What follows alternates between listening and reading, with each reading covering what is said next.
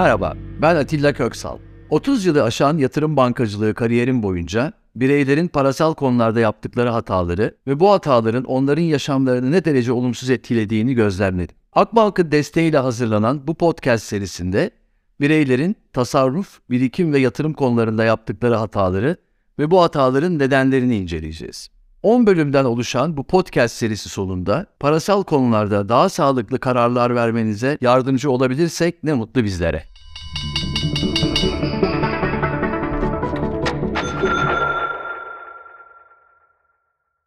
Değerli dinleyiciler, podcast serimizin 9. bölümündeyiz. Bugünkü başlığımız finansal teknolojiler ve yatırım kararlarımız. Bugün çok değerli bir konuğum var. Sevgili dostum Onur Yurtsever bizimle. Onur Yurtsever bir finansal teknoloji uzmanı. Teşekkür Doğru mu sevgili Onur? Seni böyle tanımlayabilir miyim? Nacizane. Ee, sen teşekkür tabii, ederiz. Sağ ol. Eski bir bankacısın aslında. Ee, daha önce hem yatırım danışmanlığı yaptın, bireysel bankacılık, özel bankacılık yaptın. Daha sonra da teknoloji alanına girdin. İstersen bize bir kendini kendi sözlerinle bir tanıt.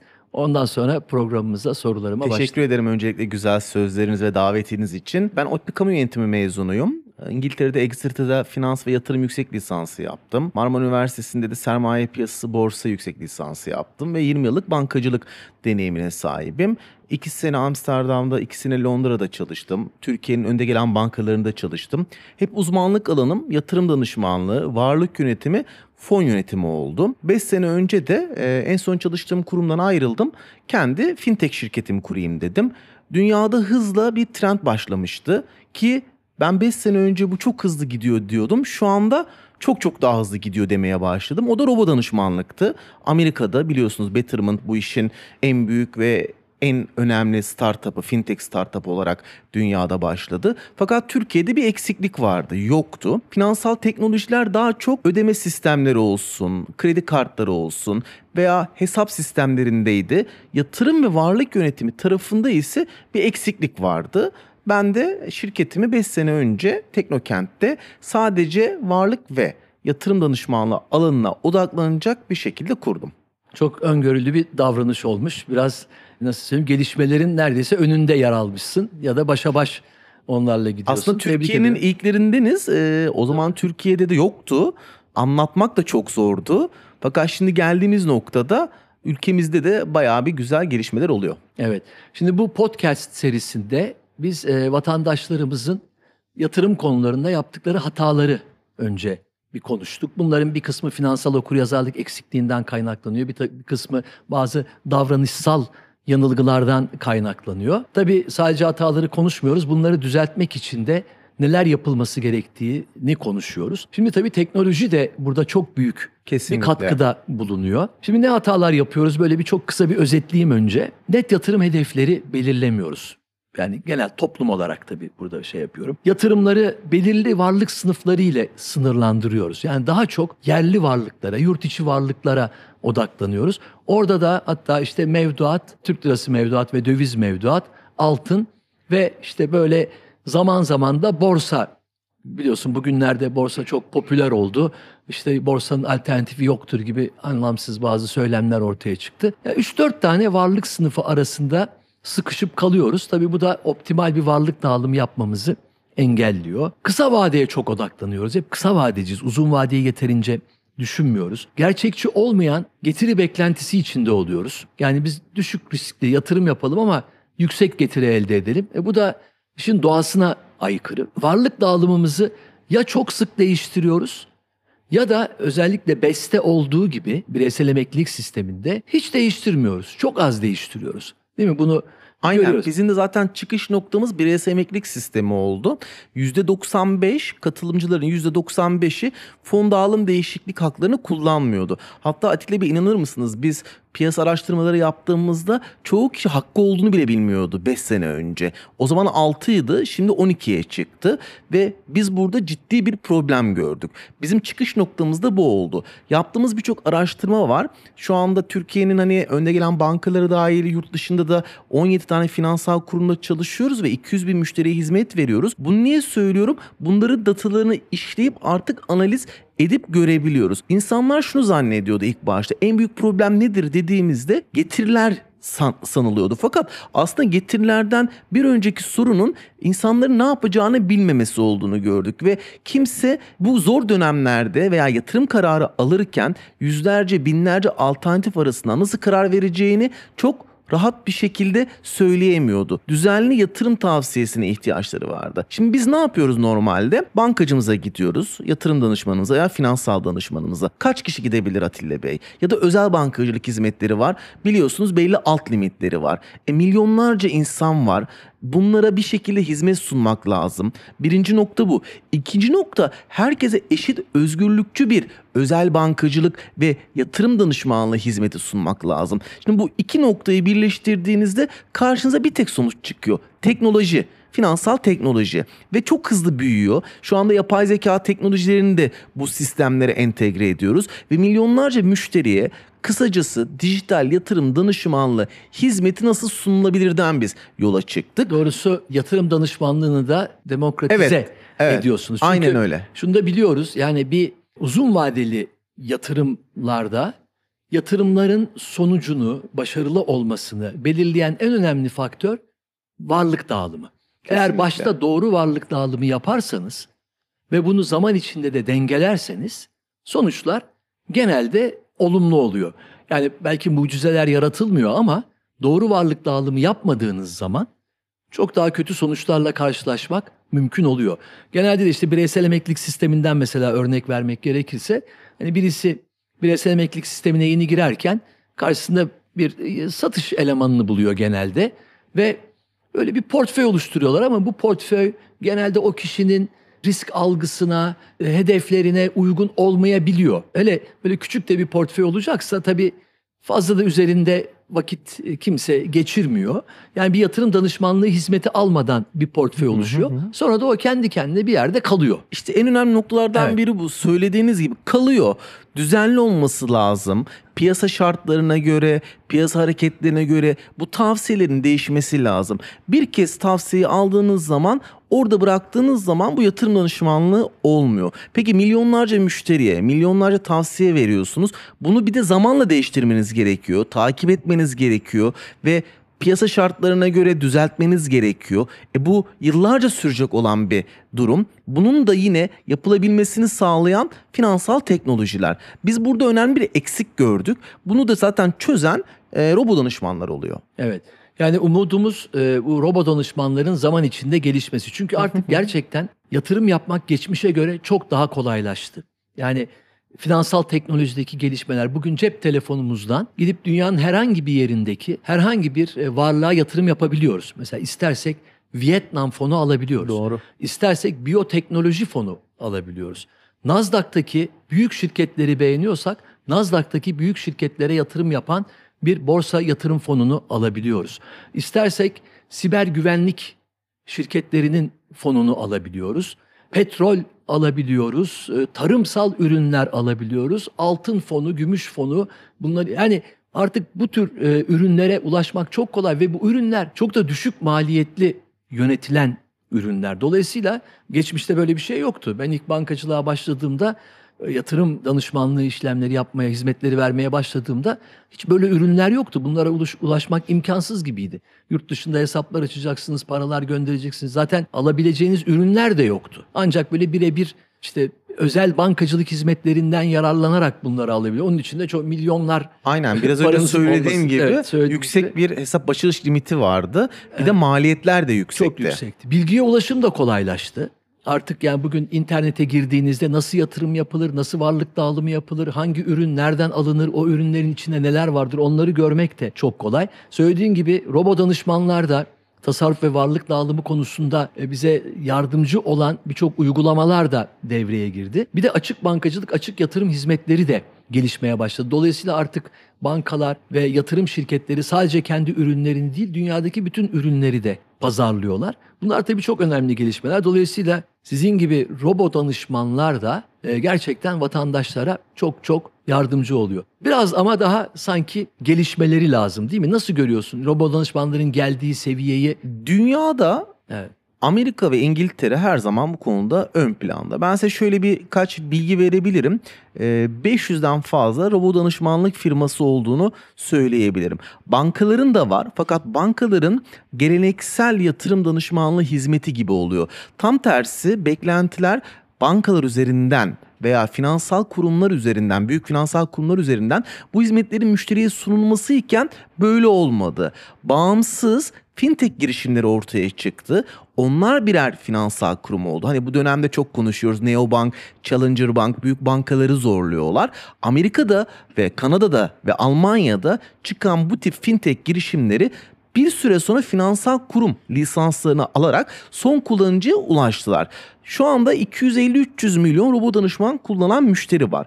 Önümüzdeki 3 sene boyunca bu rakamın 500 milyona ulaşması bekleniyor. 2017'ye göre bugünü karşılaştırdığımızda robot danışman kullanan müşteri sayısı 7 katına çıktı. Peki ne kadarlık bir varlık yönetiliyor? Yaklaşık şu anda 2-2,5 trilyon dolarlık bir varlık robotlar tarafından yönetiliyor. Bu çok büyük bir rakam. Bunun önümüzdeki 3 sene içinde de 5 trilyon doları çıkması bekleniyor. Yani rakamlar acayip büyüyor. Fakat ülkemizde bu iş biraz daha yavaş başladı öyle söyleyeyim. Biz bunun ilklerinden birini yaptık fakat şu açıdan çok zorlandık. Geleneksel bankacılık servislerine karşı bu ilk başta bir rakip olarak algılandı. Sonuçta bir, bir robot. Robot da insanın yerine geçiyor. Hani müşteri temsilcisinin, fon yöneticisinin yerine geçiyormuş gibi algılandı. Fakat siz de biraz önce söylediniz bu aslında bir karar destek sistemi olarak kullanılabilir veya insanın erişemeyeceği yer var, alan var. Bunun üstüne koymanız gereken bir teknoloji olarak kullanılabilir. Ülkemizde birçok finansal kurumun bu konuda çalışmaları var. Robot danışmanlık hizmeti sunuluyor. Fakat bu sefer de pasta çok büyümedi. Yani hani yönetilen varlığın ve müşteri sayısının artması gerekiyor. Robot danışman hizmetini, ürününü sunuyorsunuz fakat burada da biraz daha müşterilere ulaşmakta sıkıntı var gibi geliyor. Çünkü şöyle bir şey var Atilla Bey. Robot danışmanlar bir sepet oluşturuyor. Siz de biraz önce bunu söylediniz. Risk profillerine göre belli bir kıstas endeksin üzerinde size daha iyi getiri sağlamaya çalışıyor. Fakat Yatırımcı tarafında ise çok yüksek getiri beklentileri var. O yüzden hani robot danışmanların getirileri bireysel varlık yönetimine göre veya bir müşterinin kendisinin yapamayacağı işlemine göre daha iyi konumda. Fakat kripto piyasasıyla başlayan bir trend vardı. Siz de biliyorsunuz. Ben gençlerle sohbet ettiğimde bana hep şunu soruyorlar. 1 liramızı 2 lira nasıl yapacağız? Ben de diyorum ki arkadaşlar 1 lirayı 1.10 yapmaya çalışıyoruz biz diyorum. Yani herkes böyle bir %100, %200 nasıl paramı arttırırım diye bir algı oluşmuş. İnanın borsada bir günde %2-3 kazanınca insanlar üzülmeye başlıyor. E şimdi mevduat faizlerinin ortalaması %20 bu da yıllık. Tabii böyle bir getiri karışıklığı da oldu. O yüzden hani robot danışmanları değerlendirirken risk profillerine göre, beklentilere göre ve getiri analizlerine göre de bir konumlandırma yapmak gerekiyor. Mesajlar yanlış verilebiliyor bazen. Şimdi tabii işte bu da finansal okuryazarlık öğretilerinin bir parçası aslında. Çünkü demin de söyledim ya beklentileri gerçekçi oluşturmak lazım. Yani kimse sürekli olarak piyasayı yenemez veya piyasa getirilerinin çok üzerinde getiriler elde edemez. Yani Türkiye'de hisse senetlerinin Borsa İstanbul 100 getiri endeksinin 37 yıllık getiri ortalaması %7,5 civarında. Bunun 2,5'u temettüden geliyor, %5'i değer artışından geliyor. Şimdi ağzınızda kuş tutsanız Tamam mı? Reel getiri bu. Yıllık ortalama reel getiri. İyi de bir reel getiri. Yani bu böyle zaman içinde işte katlanarak büyüyen e, bir portföy demek aslında. Amerika'da da S&P 500'ün işte 50-60 yıllık ortalama getirisi yüzde on buçuk civarında. Orada da e, temettü getirisi yüzde 2.3 civarında. MSCI endeksine bakalım. Bütün yani 23 tane gelişmiş ülkede 1500 şirketin ortalaması bu. Morgan Stanley Capital International Index diye bir endeks var. Onun da uzun vadeli getirisi euro bazında yüzde on buçuk gibi bir şey. Bunlar çok yüksek getiriler. Yani yüzde onlar yıllık, yüzde yediler, sekizler ortalama yıllık çok yüksek getiriler. Yani bunları böyle uzun zamana koyup arka arkaya e, bileşik faiz, bileşik getiri hesabıyla baktığınızda çok yüksek. Dolayısıyla bizim vatandaşlara şunu anlatmamız lazım. Bakın böyle kısa vadeli vurdu kaçtı Getiriler peşinde olmayın. Gerçekçi olun. %5'ler, 6'lar, 7'ler bunlar uzun vade için çok iyi getirilerdir. Düzenli yatırım yapın. Varlıklarınızı işte yatırım araçları arasında çeşitlendirin. Sadece Türk varlıklarına da yatırım yapmayın. Gidin Nasdaq hissesi alın, gidin MSCI endeksindeki şirketlere yatırım yapın, çeşitli değişik sektörlere yatırım yapın, riskleri yayın. Ha biraz altın da alın. Tabii Türk şirketlerine de yatırım yapın. Yani e, Türkiye'de de tahvillere ortamın uygun olduğu zamanda yatırım yapın mutlaka. Ama önemli olan burada varlığı e, varlıkları çeşitlendirmek. Bir de risk algısını e, herkesin kendisinin anlaması lazım. Şimdi biz port ben de zamanında portföy yönetimi yaptım. En büyük çektiğimiz sıkıntı vatandaşın risk profilini ölçmekte Kesinlikle. oluyordu. Çünkü gidiyorduk işte bir toplantı yapıyorsunuz karşılıklı soruyorsunuz. Bir de bizim böyle bir formumuz vardı onu doldurtuyorduk. İşte hani o kişi risk sever mi sevmez mi diye. Ama tabii insanların egoları da var. Şimdi soruyorsunuz e, nasıl risk toleransınız nedir? E, şimdi bakıyor karşısında da böyle genç iki tane pazarlamacı arkadaş falan. E, risk diyor benim göbek adımdır. Riski yani risk benim için hiçbir şey değil. falan. Halbuki öyle değil. Ne oluyor? Tabii siz e, oradan elde ettiğiniz feedbackle dönüp riskli bir portföy oluşturuyorsunuz. İki hafta sonra portföy yüzde üç beş aşağıya düştüğünde yaygara kopu veriyor. Çünkü müşteriler de yatırımcı da kendisini tanımıyor aslında. İşte robo danışmanlar bu noktada da çözüm oluyor. Ona geleceğim. Zaten onu soracağım. Yani robo danışmanlar bunu yapay zeka kullanarak veya başka yöntemlerle müşteri risk profilini Kesinlikle. nasıl tanımlıyorlar? Şimdi şöyle e, mesela biz davranışsal finans ilkelerinden yola çıkarak bir yatırımcı profili anketi geliştirdik. Risk profili ve yatırımcı profili anketleri artık günümüz şartlarında yenilendi. Modern hale kaldı. Yani biraz önce siz çok güzel bir şey söylediniz. Risk sever misiniz diye sormuyoruz. Şöyle soruyoruz. Aşağıdaki sporlardan hangisini yapmak istersiniz? Dağcılık, tenis, yelken, doğa yürüyüşü. Bu tip sorularla kişinin yani yatırımcının algısını yakalamaya çalışıyorsunuz. Bale diyorsa mesela Kesin, kesinlikle. Dağcılık mesela çok basit. Evet. Dağcılığı tercih eden bir kişi yüksek risk grubuna giriyor. Şimdi bu anketler psikoloji prensipleri üzerine, davranışsal finans prensipleri üzerine kurulduğu için yatırımcının bilinç dışından o anda gelen cevaplara göre bir analizi yapıyor. Artık tüm dünyada bu sistemler kullanılıyor. Mesela bizim robot danışman tavsiyemizi vermeden önce müşterilere sorduğumuz anket de bunun üzerine kurulu. Farklı. Şimdi bu Türkiye'de kullanılıyor. Ee, biliyorsunuz standart risk profili anketleri vardı. Fakat artık bankalar ya emeklilik şirketleri kendi anketlerini kullanabiliyor. Biz de çalışıyoruz ve bu şu anda önemli bir noktaya geldi. Böylelikle yatırımcının risk profilini en başta daha doğru tespit etmiş oluyoruz. Evet. Bunlar tabii çok güzel gelişmeler. Belki biraz daha da hani konuyu başka platforma taşımak için, yani biraz daha açmak için belki. Sence e, finansal teknolojideki senin gördüğün en önemli başka gelişmeler ne var? Mesela bu robo danışmanlık gerçekten e, bireysel yatırımcıya dokunacak bir şey. Evet. Bunun dışında yine bireysel yatırımcıları böyle önemli şekilde etkileyecek aklına gelen şu oldukça önemli bir gelişme. Atilla Bey bizi, biz aklımıza geleni yapıyoruz. Kafaya koyuyoruz. Çünkü böyle güzel gelişmeler olsun istiyoruz. ARGE projeleri olsun istiyoruz. Robo danışmanlığın üstüne yapay zeka ile fon yönetimi geldi. Biz de yapay zekanın yönettiği, desteklediği yatırım fonları kurduk. Şimdi robo danışmanlıkta şöyle bir sıkıntı gördük. Sizin onayınızı almamız gerekiyor. Yani ben size bir tavsiye veriyorum. İşte Atilla Bey bugün paranızı altına yatırın diyorum. 3 ay sonra altını satalım, gümüş alalım diyorum. Onaylıyor musunuz diye sorum. Onaylamayabiliyorum ben. Evet. Dolayısıyla yerine gelmiyor. Kesinlikle unutuyorsunuz Ee, veya o anda size bu mesaj gelmiyor. Belli bir süresi var kaçırıyorsunuz.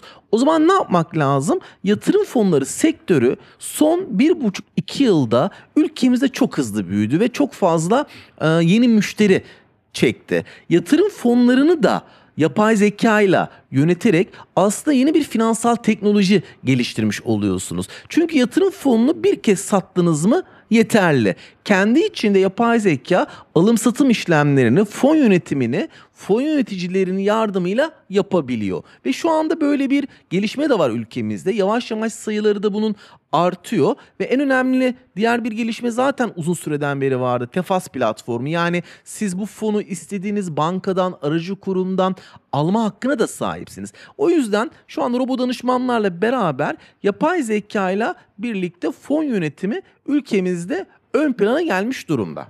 Evet çok güzel. Çok güzel. Yani e, tabii bizim hep yapmaya çalıştığımız yani biz derken tüm sermaye piyasası katılımcılarının ben biliyorsun zamanında Sermaye Piyasaları Birliği Başkanlığı da yaptım.